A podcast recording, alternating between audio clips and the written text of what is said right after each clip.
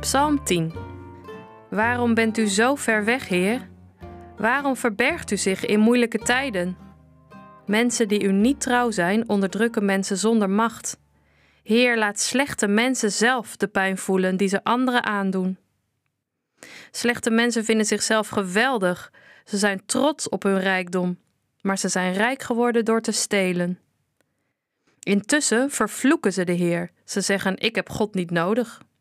Slechte mensen vinden zichzelf geweldig. Ze denken: Er is geen God. Dus hij kan me ook niet straffen. Alles wat ze doen gaat goed. Gods oordeel vinden ze niet belangrijk en ze lachen om kritiek van andere mensen. Ze denken: Ik ben sterk, er zal met mij niets ergs gebeuren, nooit. Ze liegen en bedriegen, ze zijn oneerlijk en gemeen.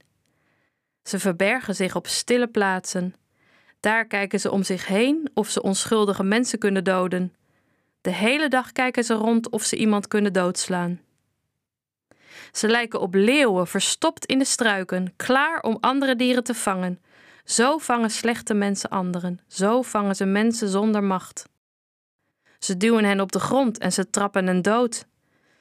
Slechte mensen denken: God let niet op. Hij kijkt niet, hij ziet niets. Kom, Heer, en help. Vergeet zwakke en arme mensen niet. Hoe kan het toch dat slechte mensen geen eerbied voor u hebben? Hoe kan het toch dat ze zeggen: God straft ons niet? Maar u bent niet blind, God. U ziet alle ellende en al het verdriet. En u wilt altijd helpen. U bent een steun voor mensen zonder macht. U beschermt mensen voor wie niemand zorgt.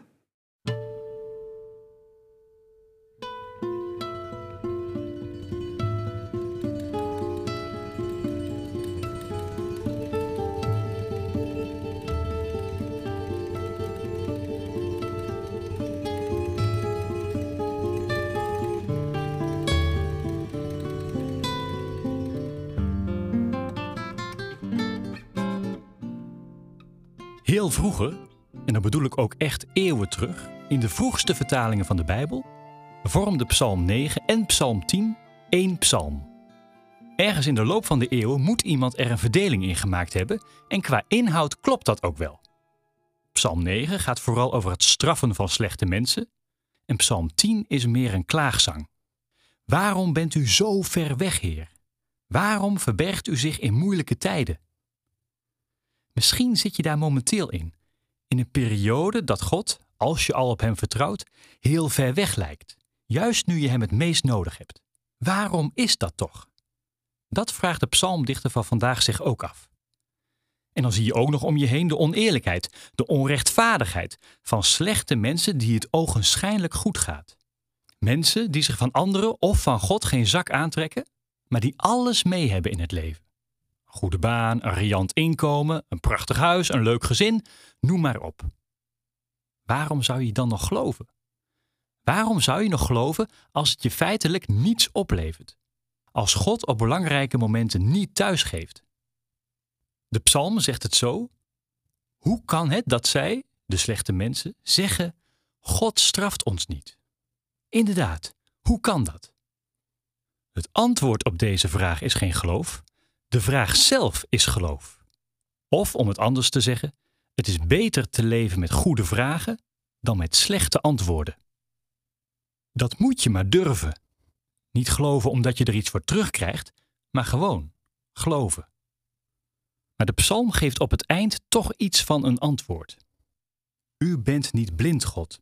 U ziet alle ellende en al het verdriet. U wilt altijd helpen. En daar moet je het maar mee doen voor vandaag. Of het genoeg is, ik weet het niet. Het is toch altijd oppassen met deze God van de Bijbel. Hij lijkt zo rustgevend, zo verdovend haast, maar is eigenlijk onrustmakend. En dat houdt je oog en hart open voor het onrecht om je heen. En als jij het ziet, ziet hij het ook.